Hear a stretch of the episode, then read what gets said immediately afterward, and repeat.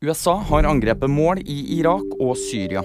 Fredag kveld gjennomførte de luftangrep mot totalt 85 mål i de to landene.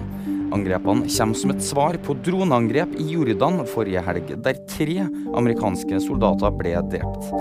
USA mener at det var Iran som sto bak, og sier at angrepene er retta mot militsgrupper tilknytta Iran. Det er foreløpig uklart hvor mange som er drept i angrepene. Vladimir Putin nekter å stille i debatter før valget. Det bekrefter den russiske presidenten sin talsmann.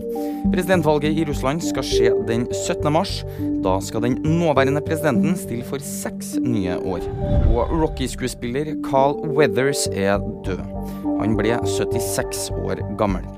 Han ble mest kjent for sin rolle som Apollo Creed i Rocky-filmene. Og ønsker du å finne ut mer? Nyheter finner du alltid på VG.